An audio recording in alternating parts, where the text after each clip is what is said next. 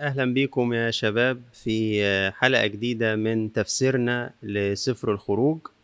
قطعنا شوط كبير ودلوقتي إحنا آه، هندخل لأصحاح 19 و20 من سفر الخروج وهيبقى ليهم عنوان الوصول لجبل سيناء واستلام الوصايا آه، العشر. آه، شفتوا المرة اللي فاتت كان في مواجهات مع أعداء لحياتنا الداخلية وأعداء منظورين من الخارج. يعني ربنا سمح للشعب المرتحل في سينا إنه يتواجه بامتحانات مش عشان يسقط وربنا يقول له أنت مش نافع لا عشان يكتشف أعماقه الداخلية. آه، لما يجوع ولما يعطش ولما آه، يتحط في امتحان يا ترى بكرة هلاقي أكل ولا لأ يبتدي يكتشف إذا كان جواه إيمان إذا كان جواه ثقة إذا كان آه، في تذمر بس مش باين إذا كان في شك في مواعيد الله بس مش باينة. عشان كده ربنا سمح للشعب بالامتحانات دي ودي كانت من جوه. لكن أيضا إبليس جرب الشعب بأنه بعت له جيش يحاربه اسمه عماليق. آه وفي الوقت ده كان بيختبر شجاعة الشعب وثقته إزاي إن الصلاة اللي كان بيمثلها موسى اللي رافع إيديه تقدر تعمل كتير في جهادنا وفي نصرتنا. ففي أعداء داخلية وفي أعداء خارجية. كان لازم إن شعب الله يحارب الحروب دي قبل ما ربنا يأتمنوا على الشريعة قبل ما ربنا يسلموا الوصايا العشر. وعشان كده سمح بهذه الأمور وبعديها اتحرك الشعب بعد انتصاره على عماليق و آه، بيقول لنا سفر الخروج في أعداده الأولى من الأصحاح التسعة عشر آه، إن هم في الشهر الثالث بعد خروج بني إسرائيل من أرض مصر. في ذلك اليوم جاءوا إلى برية سيناء. ارتحلوا من رافدين وجاءوا إلى برية سيناء فنزلوا في البرية. هناك نزل إسرائيل مقابل الجبل. آه، شربوا من المية اللي اتفجرت من الصخرة حاربوا عماليق انتصروا وجم بقى للمحطة الأساسية في الرحلة. يعني إجزاء باللغة بتاعتكم كده دي الكريمة بتاعه الرحلة. يعني أهم حاجة دي لأن الحدث اللي إحنا بنتكلم عليه النهارده ده هيحدد هوية شعب لمدة طويلة جدا لأنه هيبقى في عهد سيناء وده بيحدد مين دول.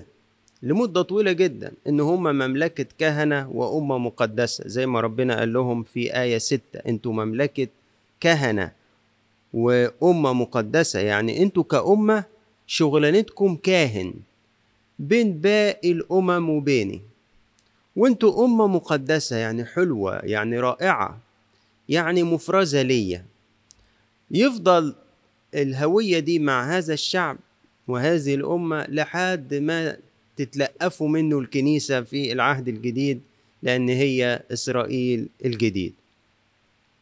آه حاجة جميلة جدا آه في ساعات كده آيات تعبر من أمامنا ما ناخدش بالنا قد إيه بتشير لأمانة الله.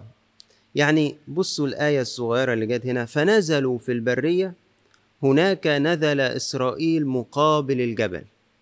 طب ودي فيها إيه دي؟ لا دي فيها كتير. ليه بقى؟ لأنه اجتماع الشعب أمام جبل سينا في حد ذاته شهادة على صدق مواعيد الله. إزاي؟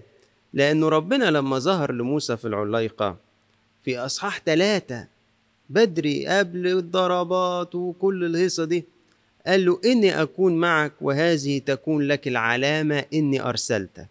حينما تخرج الشعب من مصر تعبدون الله على هذا الجبل. قال له شايف موسى الجبل اللي انت واقف عليه دلوقتي؟ اللي إحنا اتقابلنا فيه سوا؟ خد بالك هديك علامة إني أرسلتك. لما تخرج الشعب من الأرض هتيجوا هنا وهتعبدون الله على هذا الجبل. تلف الأيام طالت أو قصرت وعد الله يتم. أدي أهو الشعب حط رحاله أمام جبل سيناء عشان تتحقق مواعيد الله وبالفعل يقدموا العبادة لله في هذا الجبل. عشان كده بقول لك ده مشهد شهادة لصدق مواعيد الله. فاكرين لما قلنا إنه شكل الشعب وهو بياكل خروف الفصح في حد ذاته شهادة إيمان؟ ليه؟ متمنطق يعني جاهز للحركة ومعاه عصايته ولابس نعله ومستعجل. إيه أصل هيطردونا طرد. أصل هنخرج. فالمنظر شهادة لله. إحنا قدام منظر تاني. المنظر لوحده من غير كلام يشهد لربنا. يا رب اللي قلته زمان حصل. أيوه. من أجمل الحاجات دي لما يبقى تبقى واخد وعد من ربنا وتمر عليه الأيام والسنين ويمر بمصاعب كتير ويبدو في أوقات إنه الحلم مات وبعدين تلاقي نفسك في يوم بيتحقق وعد الله ليك وتكون في الموقف اللي ربنا قال لك إنه هيكون. شهادة جميلة جدا لربنا. المفسرين القدام والجداد بيشوفوا بالحسابات إنه اليوم اللي استلموا فيه الشريعة كان اليوم الخمسين من الفصح.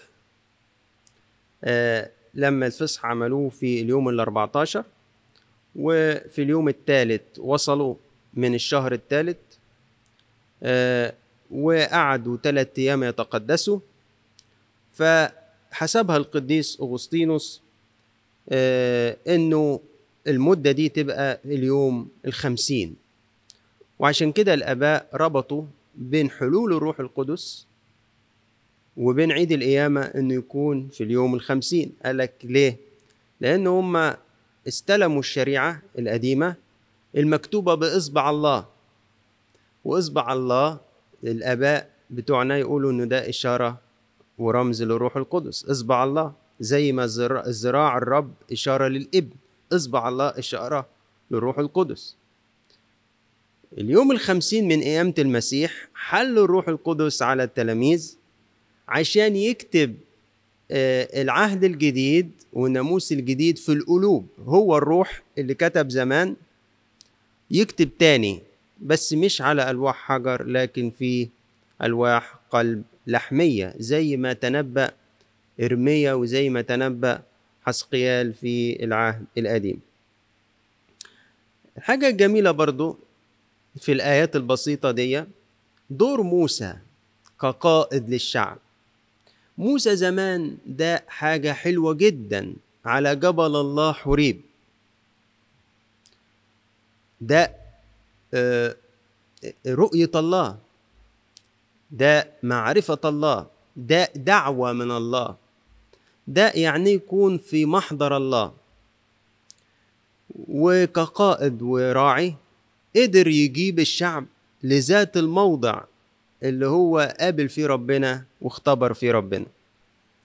وده دور الخادم ودور الراعي إن اللي اللي داقوا من ربنا ينقلوا لأولاده يوصل الحياة اللي خدها لأولاده. ما يقدرش يعمل كده غير لو كان هو خد لو كان هو قابل الله لو كان هو ليه خبرته الشخصية بربنا. يقدر يجيب أولاده لذات الخبرة. موسى لأنه التقى بالرب على هذا الجبل قدر يقود الشعب مرة أخرى ليلتقوا بالرب على هذا الجبل. لو ما كانش موسى قابل ربنا على جبل سيناء ما أعتقدش ابدا إنه كان يقدر يجيب الشعب يقابلوا ربنا في هذا الجبل. مهمة أول الحكاية دي لينا كخدام وكرعاة. كان زمان أبونا شعيا المتنيح وإحنا خدام في مدارس الأحد. يقول لنا ما تكلمش الأولاد كلام أنت ما دقتوش. وخد بالك من حياتك الداخلية لأن اللي هيوصل للأولاد مش كلماتك اللي هيوصل لهم الاختبار اللي أنت عايشه. فلو في ضعف في حياتك حتى لو مش باين هتلاقيه ظهر في أولادك. ولو في قوة روحانية موجودة في داخلك حتى بدون كلمات تصل إلى أولادك. فكان دايما يحذرنا في دروس مدارس الأحد بتاعتنا. ما تقولش كلام وخلاص أنت قريته ومش عايشه. وخد بالك ما تسيبش حياتك الداخلية فسدانة وفيها خطايا وفيها وفيها وفيها وعادي تحضر الدرس وتروح تقوله. اللي هيوصل مش الدرس اللي هيوصل اللي أنت عشته. هنا بنشوف موسى قابل ربنا على هذا الجبل. ليه خبرة إلهية فقدر إن هو يقود الشعب عشان يدوقوا تاني هم كمان هذه الخبرة الجميلة. لمعلوماتنا حريب. ده اسم مش جبل واحد. ده مجموعة جبال بتمتد في الجزء الجنوبي من شبه جزيرة سيناء. لما تسمع جبل سيناء ده واحد من هذه المجموعة. لما تسمع حريب أو جبل موسى أو سانت كاترين يقصد بها كل مجموعة الجبال دي. لما تسمع جبل سيناء اعرف إنه يقصد الجبل اللي في الأغلب حصل فيه اللقاء. سلسلة الجبال دي طولها اتنين ميل عرضها واحد ميل وليها وادي من كل ناحية. وقدامها أرض فسيحة تستوعب تقريبا الاتنين مليون بني آدم. وعشان كده الموضع ده مفيش شك فيه لأنه هو الوحيد الممهد إنه يستقبل هذا العدد الرهيب من البشر وقدامه جبل. وهذه الجبال ترتفع تقريبا 5000 قدم فوق سطح البحر. تقدر كده تعمل سيرش كده على جوجل وتكتب كده سلسلة جبال سيناء وتشوف منظرها المبهر. قد إيه المكان يساعدك على الإحساس برهبة حضور الله. ننقل لآية من ثلاثة لآية ستة وده بيعتبر تمهيد للي جاي. ربنا بيقول لهم إيه؟ يقول لك وأما موسى فصعد إلى الله. يعني آخر آية اتنين ونزل إسرائيل مقابل الجبل. وراها على طول أما موسى فصعد إلى الله. خدوا بالكم منها دي لأني بعد ما أخلص قراية الشاهد هرجع لها. فناداه الرب من الجبل قائلا هكذا تقول لبيت يعقوب وتخبر بني إسرائيل أنتم رأيتم ما صنعت بالمصريين وأنا حملتكم على أجنحة النسور وجئت بكم إلي. فالآن إن سمعتم لصوتي وحفظتم عهدي تكونون لي خاصة من بين جميع الشعوب. فإن لي كل الأرض وأنتم تكونون لي مملكة كهنة وامه مقدسة. هذه هي الكلمات التي تكلم بها بني إسرائيل. يعني توت ما الشعب وصل وريح موسى ما ريحش. طلع طوالي على الجبل فوق. يقول لك وناداه الرب من الجبل. كان في المشهد ده في اتنين مستعجلين خالص. مين دول الاتنين المستعجلين؟ موسى والله. مستعجلين على اللقاء. عارف لما يبقى ليك ذكريات مع واحد حبيبك واتقابلته في مكان ما وبعدين انت سافرت ولفت الأيام والسنين ورجعت تاني. وبينك وبينه ميعاد فتوت ما حطيت رجلك في البلد رميت شنطك وجري رايح على ذات المكان اللي اتقابلتوا فيه زمان. وأول ما تشوف صاحبك تعمل إيه؟ تحضنوا بعض.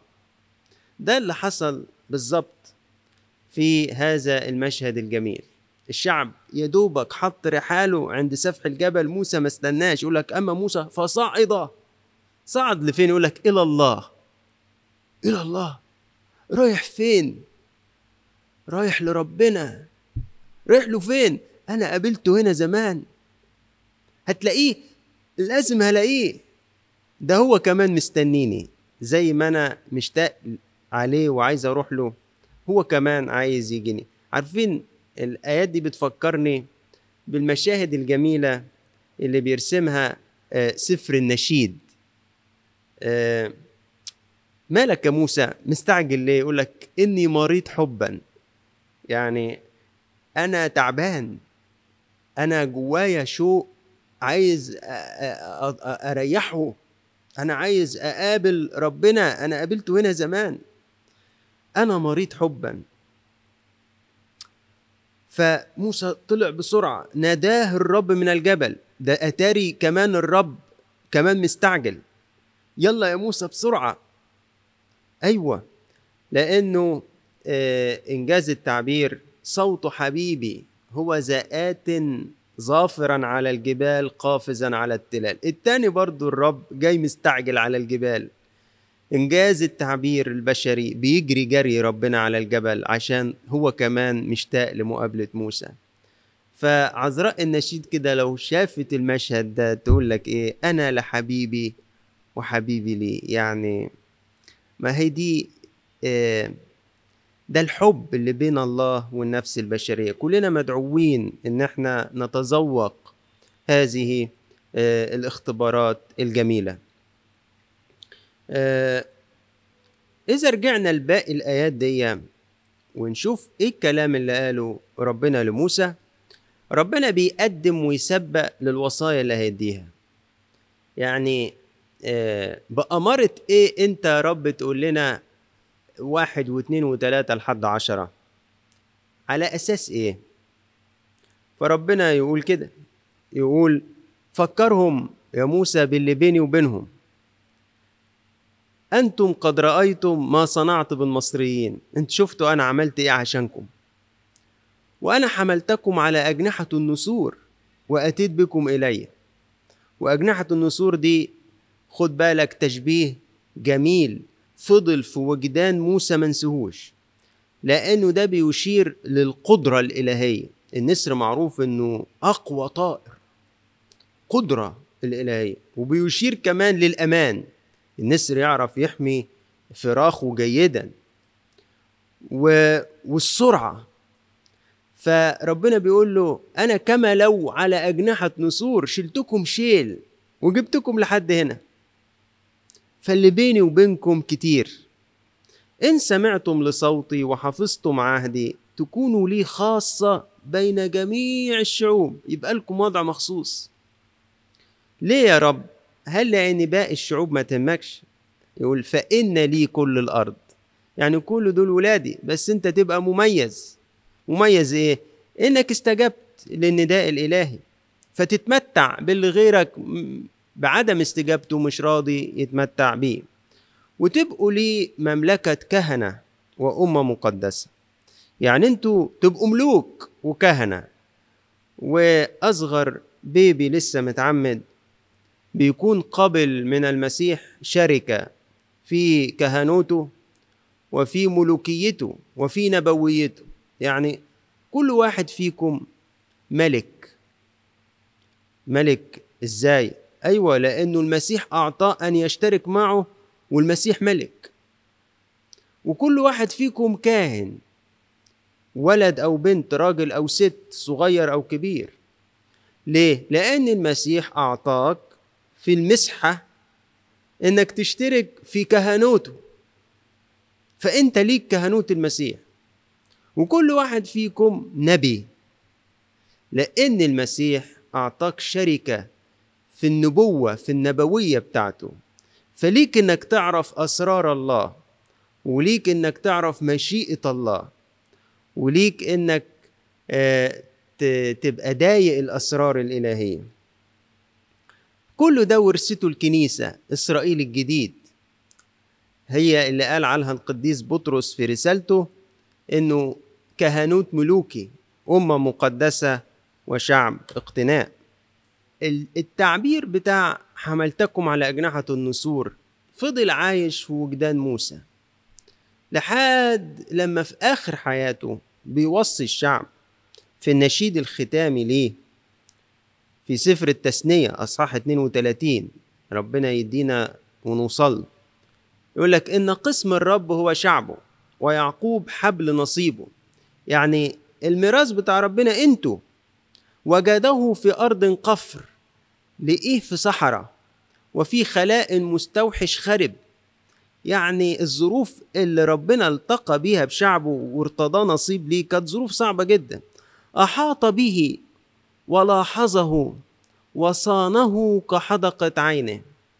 يعني لما لقيك وانت كنت في صحراء موحشة عمل حوطك ولحظك وحافظ عليك كما لو إنك حدقة عينه. كما يحرك النسر عشه وعلى فراخه يرف ويبسط جناحيه ويأخذها ويحملها على مناكبه. هكذا الرب وحده اقتاده وليس معه إله أجنبي أركبه على مرتفعات الأرض. اللي قاله له ربنا فضل عايش فيه. أيوة يا رب فعلا. أنت شلتنا كما لو على أجنحة النسور. وبسطت جناحيك كده تحمينا. زي معنى الفصح اللي اتناقشنا فيه في بداية السفر. يعني إيه فصح؟ مش مجرد عبور. باسكا بمعنى إنه يستر للحماية زي جناحي النسر كده. ربنا كان أراد بهذه المقدمة يحفز بني إسرائيل يقبلوا الوصايا ويعرفوا على أنه أرضية مبنية الوصايا دي. لما يجي واحد يقول لك يجي أب مثلا يكلم ابنه فيقول له يا ابني حبيبي ما تتأخرش بره مش عارف ما تعملش ما تسويش. فالواد كده يا بابا انت بتكلمني الكلام ده إزاي؟ يقول له حبيبي لانك ابني.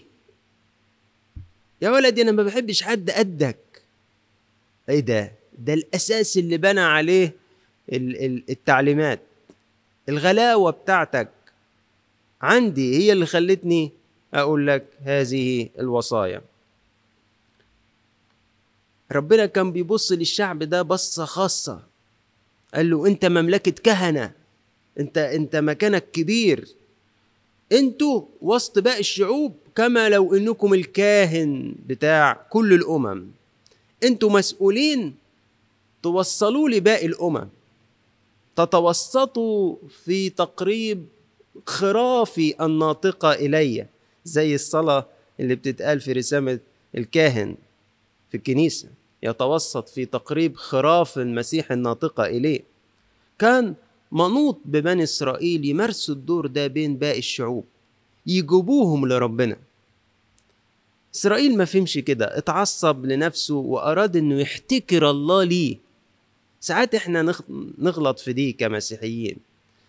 نحتكر ربنا لينا. يعني لا لا لا هو ربنا ده بتاعنا إحنا بس. ما ينفعش حد تاني يعرفه غيرنا. لا ده إحنا دورنا إن نخلي الكل يعرفوه.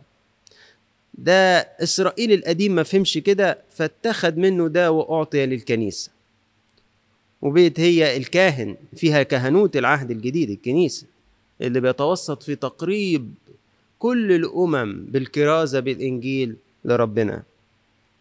وقال له تكون أمة مقدسة. على فكرة مقدسة إحنا فاهمين إن معناها آه إنه مفرزة لربنا وده صح مش غلط. بس العالم ألفريد أدريزهايم يقول مش ده المعنى الأولاني ليه؟ ده ده الغرض. المعنى معناه إنه حلو ورائع وجميل. يعني ربنا بص كده على الأمة دي قال دي أنتوا حلوين حلاوة. ده أنتوا رائعين. وعشان كده أنا بفرزكم ليا. ده معنى القداسة إن الإناء يبقى إناء رائع جميل فيفرز لله. يخصص لربنا.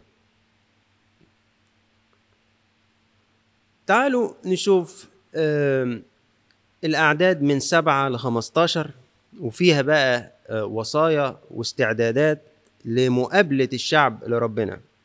يقول لك كده فجاء موسى ودعا شيوخ الشعب ووضع قدامهم هذه الكلمات. راح نزل جمعهم وحطوا قدامهم الكلام اللي قاله له ربنا. فالشعب كله قال إيه؟ كل ما تكلم به الرب نفعل. اللي قاله لك ربنا ده يا موسى إحنا نعمله. بس القديس يوحنا زبيب فم يقول لك إيه؟ مش اللي اللي يسمع الناموس يتبرر اللي يعمل. هم سمعوا وقالوا هنعمل بس ما عملوش. وعشان كده الناموس نفسه يشهد عليهم. فراح موسى رد كلام الشعب لربنا هو لأنه وسيط. فقال الرب لموسى ها أنا آت إليك في ظلام السحاب لكي يسمع الشعب حينما أتكلم معك فيؤمنوا بك أيضا إلى الأبد. أنا هثبتك قدامهم يا موسى أنا هاجي في ظلام السحاب وأتكلم معاك عشان يصدقوك. وأخبر موسى الرب بكلام الشعب فقال الرب لموسى اذهب إلى الشعب وقدسهم اليوم وغدا. وليغسلوا ثيابهم. ويكونوا مستعدين لليوم الثالث لأني في اليوم الثالث ينزل الرب أمام عيون جميع الشعب على جبل سيناء. وتقيم للشعب حدودا من كل ناحية قائلا احترزوا من أن تصعدوا إلى الجبل أو تمسوا طرفه. كل من يمس الجبل يقتل قتلا. لا تمسه يد بل يرجم رجما أو يرمى رميا بهيمة كان أم انسانا لا يعيش. أما عند صوت البوق فهم يصعدون إلى الجبل. فانحدر موسى من الجبل إلى الشعب وقدس الشعب وغسلوا ثيابهم وقال للشعب كونوا مستعدين لليوم الثالث لا تقربوا امرأة. الآيات اللي فاتت تفهمنا يعني إيه موسى كان رمز وظل للمسيح لأنه كان بيقوم بدور الوسيط. يعني لو تلاحظ معايا في الآيات اللي فاتت مين اللي يشوف ربنا؟ موسى. طب مين اللي يقدر يخليك تشوف ربنا؟ برضو موسى. يعني يقدر الشعب يقترب إلى الله بعيدا عن موسى؟ لا لا لا لا خالص. ده هو اللي ينزل وهو اللي يطلع. يعني إن كان بعض من رؤساء الشعب والكهنة مدعوين لصعود الجبل فيطلعوا مع موسى. ما يقدروش يطلعوا لوحدهم خالص ما ينفعش. ومين الوحيد اللي في الأول شاف آه الله؟ بالمعنى البسيط يعني موسى. طب وإيه ده؟ ده بيشاور على ربنا يسوع المسيح. لما قال إيه؟ ما حدش الآب لم يره أحد قط. الابن الوحيد الذي في حضن الآب هو خبر. يعني الآب محدش آه، شافه مطلقا. ابنه الوحيد الكائن في حضنه هو اللي يخبرنا عنه.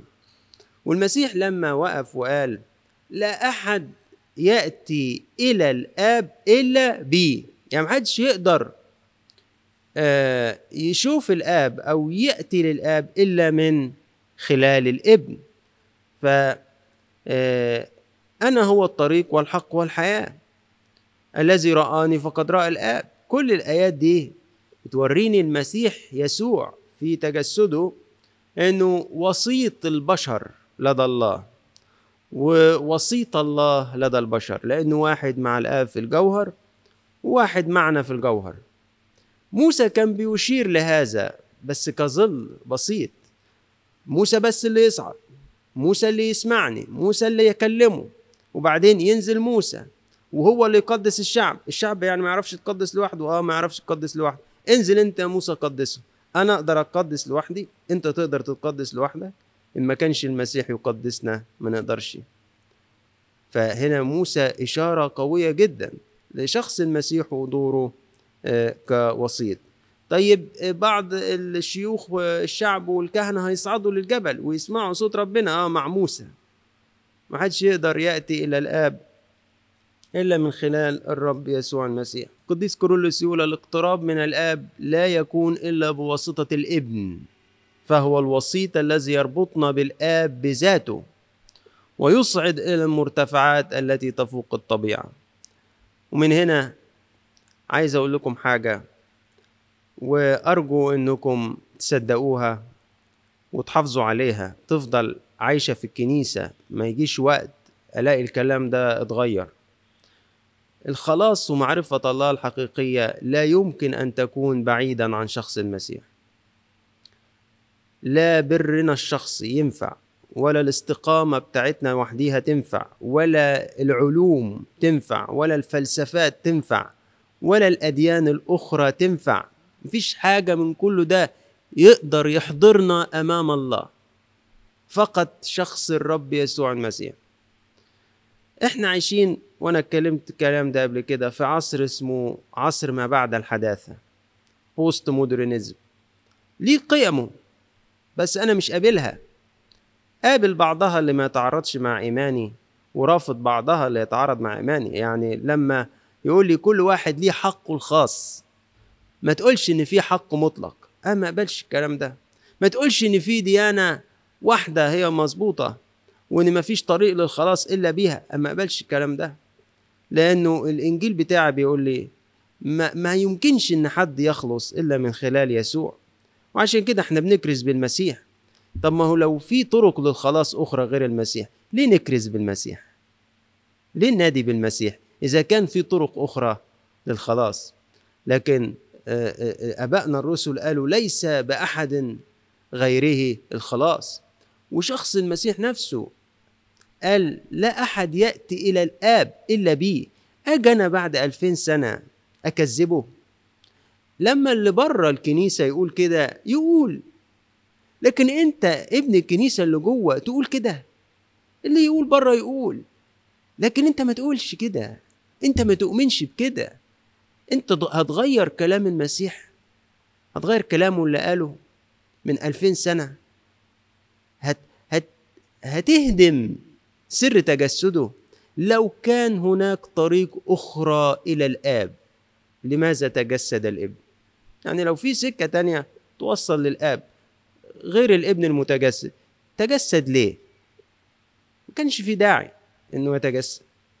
اذا اوعى من فضلك تقبل أفكار مثل هذه. خليها بره ماشي بره مش هحكم عليه. بس ما تقبلش إنها تكون جوه. ما تقبلش انها تكون بين أولاد الله يقولوا هذا الكلام. اوعى تتنازل عن إيماننا بمركزية المسيح في الخلاص. لأن لو قبلنا أمر زي كده سنكون في ظلام الجهل بالله. خلاص. ال ال النور ده هيطفي وهنبقى غارقين في جهل ولكن سننعم بسلام مع العالم. لأن هنتصالح مع العالم. هيقول أيوه أنتوا كده بتتكلموا كويس. أتكلم كويس وأعيش وأموت من غير ما أعرف ربنا ومن غير ما أخلي الآخرين يعرفوه.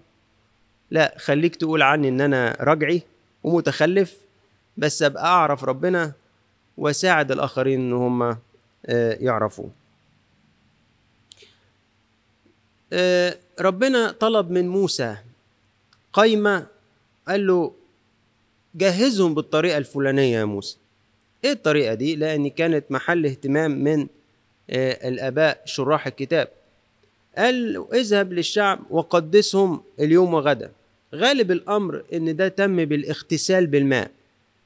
لأنه في خروج 29 نلاقي إن تقديس الكهنة كان بالاغتسال بالمية. فغالبا تقديس الشعب تم بالاغتسال بالماء. بس مش بس هم اغتسلوا يقول لك وليغسلوا ثيابهم ويكونوا مستعدين لليوم الثالث. فالقديس غريغوريوس النيسي والعلامة أوريجينوس قالك غسل الثياب إشارة لغسل السلوك. يعني التوب ده من بره. هم اغتسلوا هم بس غسلوا الحاجة اللي لابسينها من بره. قالك ما يكفيش إنه يكون لك إيمان في الداخل. لازم سلوكياتك الخارجية اللي هي بيشير إليها الثياب لازم تتقدس لازم تغتسل. ما تقولش أنا مؤمن بربنا بس حياتك وسلوكياتك بتقول غير كده. لا هم يغتسلوا ويغسلوا الثياب اللي هم لابسينها. عشان كده الكنيسة تدعونا لتبني نمط مسيحي في الحياة. كونوا كأنوار في العالم. عيشوا فقط كما يحق الإنجيل المسيح. ليه؟ لأنه كل ده هو معناه إن التوب بتاعي يبقى مغسول.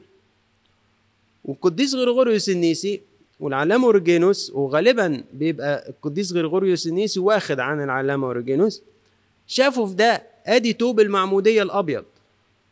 ادي توب المعمودية الأبيض. من فضلك دايما اغسلوا بالتوبة. دايما جددوا مرة أخرى بالتوبة عشان يبقى دايما آه، نضيف. ولا يقربوا امرأة. ومفيش بهيمة تمس الجبل. فبرضو الآباء قالوا إنه ده إشارة موضوع الحيوانات غير الناطقة دي إنها ما تجيش جنب الجبل. إشارة إلى إنه الحواس بتاعتنا ما ينفعش هي اللي تقودنا لمعرفة الله. يعني إيه؟ يعني الآباء بتوع الكنيسة والآباء النساك كانوا يحذروا من الخيال الخيال في الصلاة. إنك تقعد تتخيل شكل المسيح وشكل العذراء وتقعد آه، تتخيل إن هما موجودين بصورة منظورة معاك. كانوا يخافوا قوي من الحكاية دي ويعتبروها إنها ممكن تقود لضلالات كتير. فكان يقول لك لما تيجي تصلي احفظ ذهنك في الله بدون ما تتخيل صور. وهنا بيقول لك إن الحيوانات ما لهاش طرق أخرى في المعرفة غير الحواس بتاعتها. فما تخليش البهايم تقرب يعني ما تقتربش لله بالحواس. أمال بإيه؟ بالذهن وبالقلب اللي هو ادهمني بالذهن وبالقلب اللي هو ادهمني لكن ما حاولش أحصل على معرفة حسية لأنه ممكن دي توقعني في ضلالات الشياطين. وقع في كبرياء واتخيل بقى إن أنا شفت المسيح وشفت العذراء وأقعد آه، أتوقع إن أنا شفت رؤى ويبقى الشيطان كله ده قاعد إيه؟ يضحك عليا. طب ولا تقربوا امرأة؟ قال لأنه حب يقول لهم إنه لازم تتفطم شوية. عن الملذات الحسية عشان ترتقي في الأمور الروحانية. مش لأنه العلاقة بين آه، آه، رجال الله وزوجاتهم نجاسة. لا لأنه دول زوجاتهم. لكنه بيقول إيه؟ عشان يركزوا معايا أكتر. زي ما الكنيسة خدت وقالت إنه في الأصوام باتفاق الزوج والزوجة يمتنعوا عن العلاقة الجسدية وعشان يتفرغوا للصلاة والصوم. قديس امبروسيوس خطى خطوة أكتر. يعني قال لك كل الاستعداد ده مطلوب من الشعب. طب إيش حال الشمامسة والكهنة اللي بيخدموا الأسرار الإلهية في القداسات؟ أي وضع من التقديس المفروض يكونوا فيه؟ يعني إذا كان الشعب العادي مطلوب منه يغتسل داخليا ويغتسل خارجيا في الأعمال يعني يغتسل داخليا في القلب والإيمان ويغتسل خارجيا في الأعمال والسلوك. ويبتعد عن محاولة إقحام الحواس في معرفة الله ويترفع عن الملذات الجسدية. طب ما لما يبقى أبونا والشماس ورايحين يخدموا القداس يكونوا في أي وضع؟ شوفوا القديس أمبروسيوس يقول إيه؟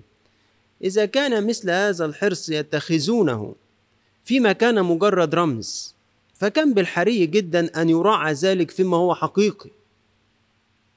تعلموا إذن أيها القصوص والشمامسة ماذا يعني غسل ثيابكم؟ فإنه يلزم أن تكون أجسادكم طاهرة عندما تقبلون إلى خدمة الأسرار. فإن كان الشعب محظورا عليه تقديم ذبائحهم إن لم يغسلوا ثيابهم أولا فهل تجرؤون أنتم عندما تكونون مدنسين في القلب والجسد أن تقدموا توسلات من أجل الآخرين؟ هل تتجاسروا أن تقدموا قربانا من أجلهم؟ قديس امبروسيوس بيدينا إحنا تحذير.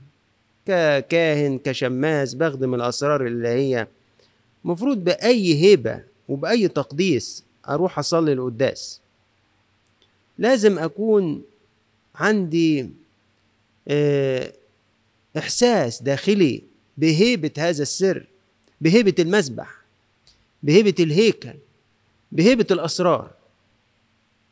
أتذكر آه، من كذا سنة آه، كنت خارج مصر ورحت أصلي في كنيسة فكان فيها أب شيخ وقور أوي كبير كان الله ينيح روحه آه، يعني زميل البابا شنودة أيام ما كانوا خدام مدارس أحد.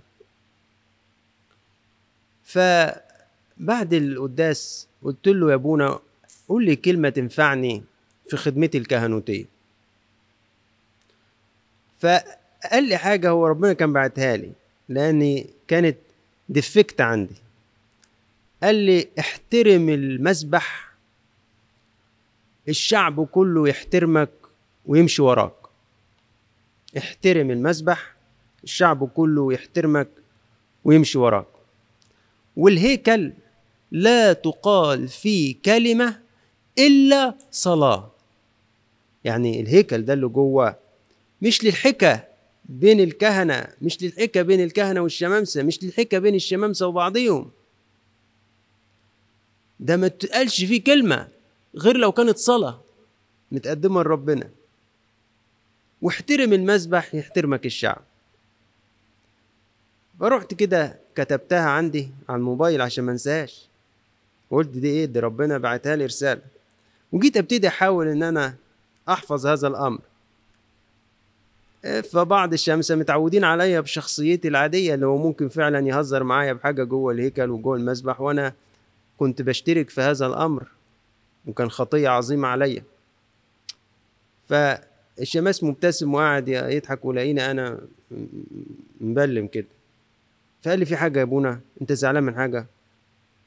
فقلت له حبيبي إحنا في الهيكل. هو طبعا ادي غلطتي قبل ما تبقى غلطته. أنا ما علمتوش كده. بس لما ربنا بعت لي هذا الأمر زي زي فوقني كده.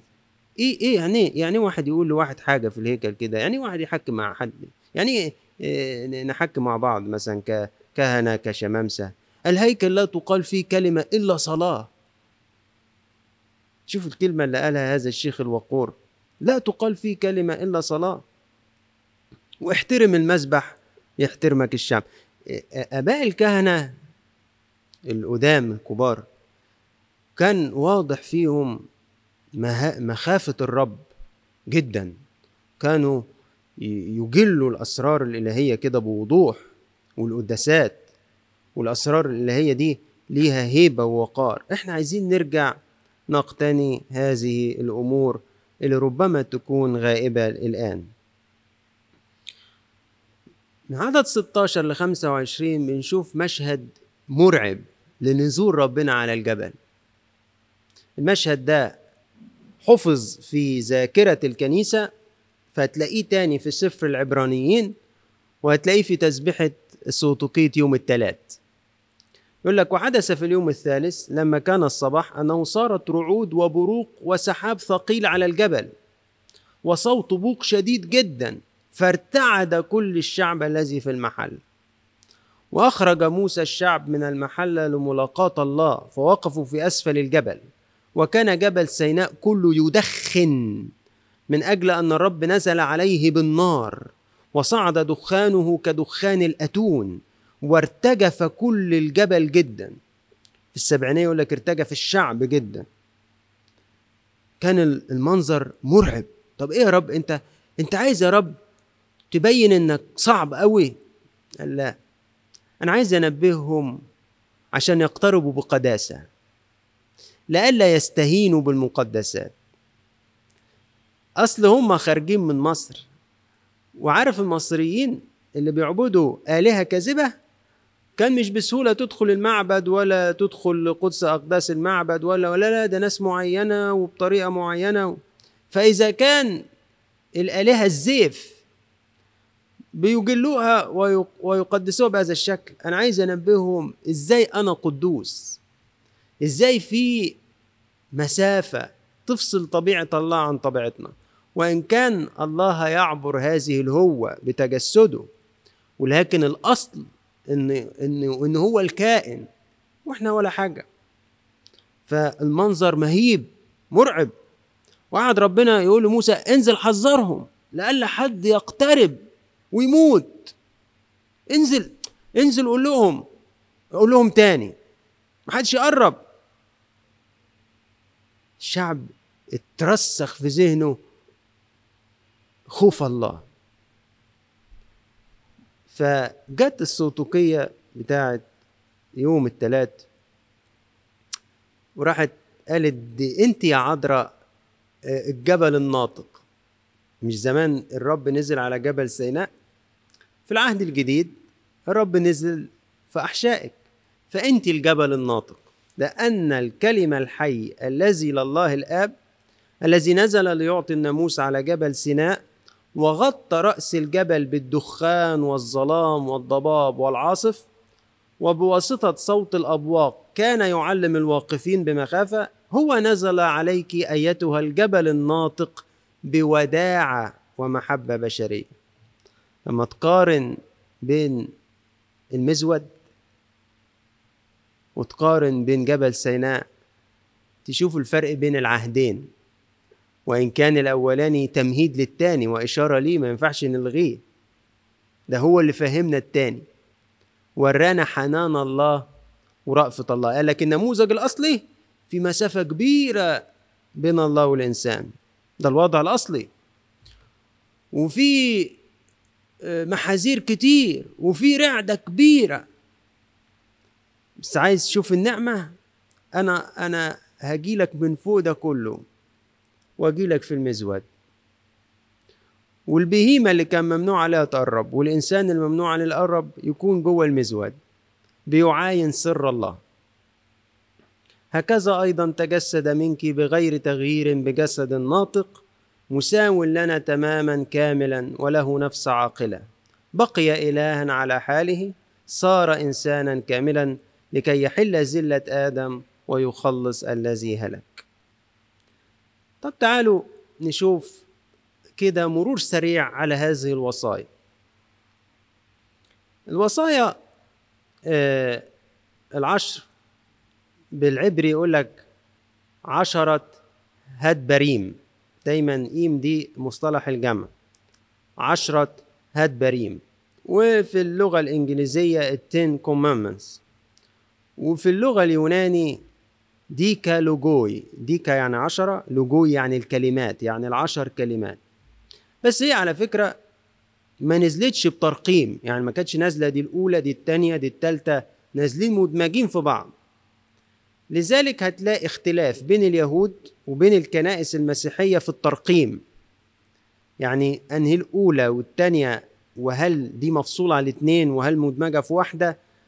وأنا كاتب في الملزمة إزاي كل كنيسة من الكنائس المسيحية يعني الكنيسة الأرثوذكسية مقسماهم إزاي اليهود كانوا مقسمينهم إزاي كنائس الكاثوليكية والبروتستانت مقسمينهم إزاي. تقدر ترجع للملزمة لو أنت حابب تطلع على هذا الأمر. ما نعرفش بالظبط قد إيه كل لوح من الألواح احتوى على عدد من الوصايا لكن نعرف إن اللوحين اتكتبوا وش وظهر وإن ربما يكون اللوح الأول احتوى على الكلمات الأربعة الأولى اللي بتتناول علاقة الإنسان بالله ودي لها الأولوية وبينتج عنها علاقته بالآخرين ويكون اللوح الثاني اتكتب فيه الست وصايا التانيين اللي بيتناولوا علاقة الإنسان بالآخر. ثم تكلم الرب بجميع هذه الكلمات قائلا أنا الرب إلهك الذي أخرجك من أرض مصر من بيت العبودية. لا يكن لك آلهة أخرى أمامي. لا تصنع لك تمثالا منحوتا ولا صورة ما مما في السماء من فوق وما في الأرض من تحت وما في الماء من تحت الأرض. لا تسجد لهن ولا تعبدهن لأني أنا الرب إلهك إله غيور. أنا بغير على أولادي. بغير على شعبي كغيرة الرجل على زوجته. أفتقد ذنوب الآباء في الأبناء في الجيل الثالث والرابع من مبغضية يعني لو فضل ولاد ماشيين في طرق والديهم الشريرة هتتبع الذنوب دي فيهم. طب لكن لو تابوا وما مشوش في خطايا والديهم خطايا والدهم يا رب تأذيهم هما لا وأصنع إحسانا إلى ألوف من محبي وحافظي وصاياي. لا تنطق باسم الرب إلهك باطلا لأن الرب لا يبرئ من نطق باسمه باطلا. اذكر يوم السبت لتقدسه. ستة أيام تعمل وتصنع جميع عملك. أما اليوم السابع ففيه سبت للرب إلهك لا تصنع عمل ما. أنت وابنك وابنتك وعبدك وأمتك وبهيمتك ونزيلك الذي داخل أبوابك. لأن في ستة أيام صنع الرب السماء والأرض والبحر وكل ما فيها واستراح في اليوم السابع. لذلك بارك الرب يوم السبت وقدسه. الأربع وصايا الأولى تنفرد بهم الأمة اليهودية عن سائر الشعوب القديمة. لأن سائر الشعوب القديمة على فكرة كان لها قوانين. أخلاقية بتحكمها بتتشابه كتير مع الست وصايا اللي بعد كده. لكن الأربعة الأولى دول متفردين ما ما فيش زيهم. ما كل الشعوب القديمة عرفت تعدد الآلهة وإنها تعبد أكتر من إله وإنها تصور هذه الآلهة في أشكال بشر وبهائم وكواكب. ومنعتش ما منعتش استخدام الآلهة بتاعتها في السحر والعرافة. فعشان كده الأربع وصايا الأولى دي استحالة تلاقيهم في أي شريعة للشعوب القديمة إنها بصمة خاصة لعلاقة الرب بشعبه. لو جينا للوصية الأولى تلاقيها كده جاية بتمهيد. أنا الرب إلهك الذي أخرجك من أرض مصر من بيت العبودية. وأنا الرب يعني إيه؟ أنا يهوى. أنا الكائن. فيقول له أنا الكائن إلهك. فالكائن دي يعني البعيد وإلهك يعني القريب بتاعي أنا. ودي العلاقة اللي بيننا وبين ربنا. ما نقدرش نمسكه ولكن نقدر نستمتع بيه. إزاي؟ ما نقدرش نحتويه ولكن نقدر نكون في شركة معه. هو متعالي جدا وقريب جدا في وقت واحد. بيقول له لا يكن لك آلهة أخرى أمامي. الوصية دي مش مجرد تحريم عبادة آلهة أخرى. لا دي شاملة المحبة وشاملة التقوى اللي يتجه بيها الشعب ده لربنا ليه؟ الوصايا العشر جم تاني في سفر التثنية أصحاح خمسة وفي أصحاح ستة من سفر التثنية يقول لك إيه؟ تحب الرب إلهك من كل قلبك ومن كل نفسك ومن كل قوتك. إذا الوصية الأولى دي مش مجرد ما تعبدش حد تاني غيري. دي يقول له حبني أنا. حبني أنا الرب إلهك. ويقول له إيه في تثنية عشرة؟ فالآن يا إسرائيل ماذا يطلب منك الرب إلهك؟ إلا أن تتقي الرب إلهك لتسلك في كل طرقه وتحبه وتعبد الرب إلهك من كل قلبك ومن كل نفسك إذا هذه الوصية عميقة شاملة للمحبة الله بيدعو شعبه للحب بس قال له قبلها أنا حبيتك وميزتك فبطلبك إن أنت كمان تبادلني هذه المحبة ويقول له إيه؟ في تثنية 30 جميلة الآية دي بحبها. استحب الرب إلهك وتسمع لصوته وتلتصق به لأنه هو حياتك. تحب الرب إلهك وتلزق له. ليه؟ لأنه هو حياتك. أنت مالكش حياة بعيدة عنه. ولو بعدت عنه تموت. خليك لازق ليه؟ لأنه هو حياتك. عشان كده في وشية الإنجيل أبونا يقول لك لأنك أنت هو حياتنا كلنا. أنت حياتنا كلنا يا رب. امبارح وأنا ماشي في الشارع كده يعني زوجتي راحت شغلها بالعربية وعشان مش متعودة تروح بيه فرجعت نسياها يعني سابتها في الشغل وجت. فأنا جاي أنزل بالليل أروح الكنيسة فبقول لها أنت ركنت العربية فين؟ فراحت قالت لي ياه ده أنا نسيتها عند الصيدلية. فأنا اتضايقت كده لأني كنت نازل متأخر. وقلت يعني أنا كمان متأخر وكمان لسه هروح ماشي هجيب العربية. المهم وأنا في السكة قلت أكيد ربنا هيقابلني بحد. فبالفعل وأنا ماشي في الشارع لقيت شاب كده ما اعرفوش نادى عليا قال لي يا أبونا. قلت له أيوه.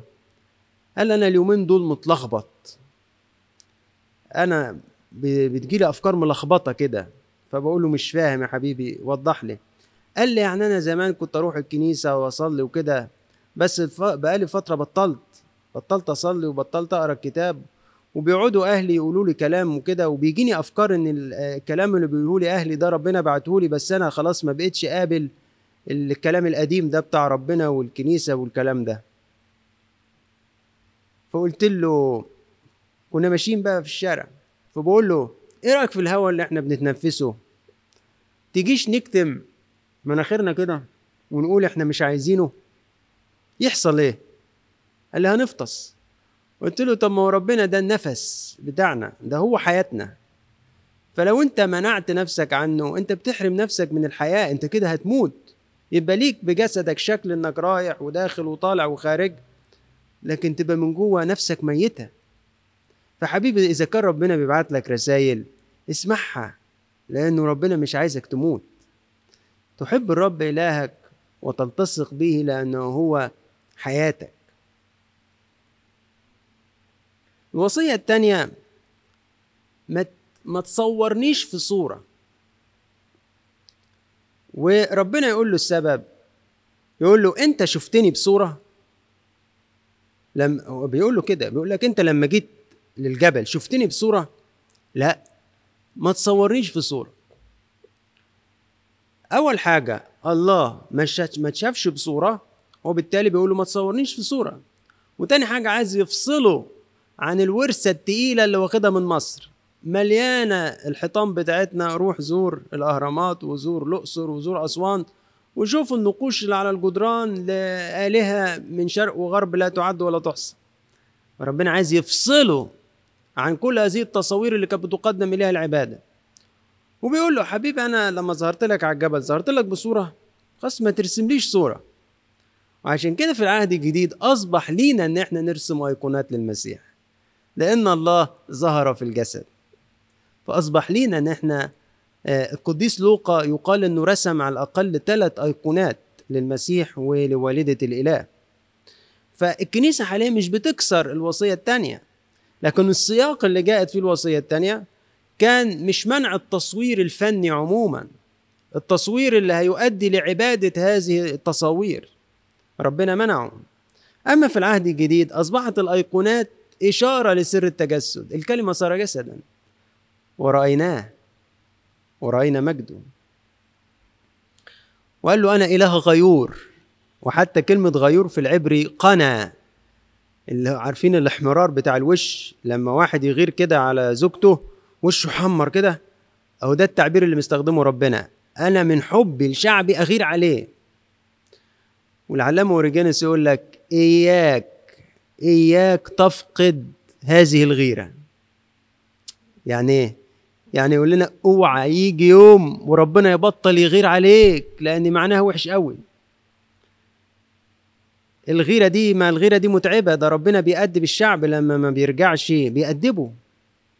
لا ده إحنا مش عايزين ربنا يأدبنا يقول لك اوعى اوعى تطلب كده. غيرته عليك دي نعمة. لما تلاقي ربنا لسه بيأدب ولسه بيزعق فيك افرح. لو رمى طوبتك هيبطل يغير عليك. علام اورجينوس بيقول هذا الكلام. يقال عن الله إنه غيور لأنه لا يطيق أن النفس التي خضعت له تختلط بالشياطين. لأنه لا يشاء ان نخطئ أيضا بعد أن عرفناه وبعد أن استنرنا بكلمته وبعد نعمة المعمودية وبعد اعتراف الإيمان وبعد أن تثبت الاقتران به بواسطة هذه الأسرار العظيمة. لا يسمح للنفس التي دعي لها عريسا أو زوجا أن تلهو مع الشياطين وتزني مع الأرواح النجسة. ولو حدث هذا أحيانا بكل أسف فإنه يريدك على أقل تقدير أن تهتدي سريعا. ترجع وتتوب بسرعة. هذا هو الإله الغيور. فإذا سأل وترجى أن تلتصق روحك به إذا خلصك من الخطية إذا وبخ إذا أدب إذا أظهر استياءه إذا غضب إذا غار بأي نوع من الغيرة تجاهك فاعلم أنه ما زال لك رجاء في الخلاص. ده دي علامات بتبين إن أنت ما زال الباب مفتوح. ولكن إن كنت لا ترجع إلى نفسك عندما تؤدب إن لم تصحح نفسك عندما توبخ إذا أخذت الأمر بخفة عندما تضرب فاعلم أنك إن داومت على الخطيئة فإن غيرته سوف تفارقك. هيبطل يغير عليك. وهيقول لك اللي قاله لأورشليم على لسان حسقيال النبي في أصحاح 16 عدد 42 فتنصرف غيرتي عنك فأسكن ولا أغضب بعد. يعني خلاص هعتبرك مش مراتي. فهدى ومش هغضب تاني. وده صعب جدا. عشان كده يقول لك اوعى تتمادى. لما تلاقي الرب بيأدب لما تلاقي الرب يغضب لما تلاقي الرب يوبخ ما تزعلش. ده معناها إن أنت لسه ليك رجاء في الخلاص. وأوعى تستهين وتطنش كل التأديب وكل التوبيخ وترميه من دماغك. لألا غيرته تفارقك يبطل يغير عليك. ويقول لك زي ما قال أورشليم تنصرف غيرتي عنك فأسكن ولا أغضب. مش خلاص مش مش هزعق تاني. مش هقول حاجة تاني.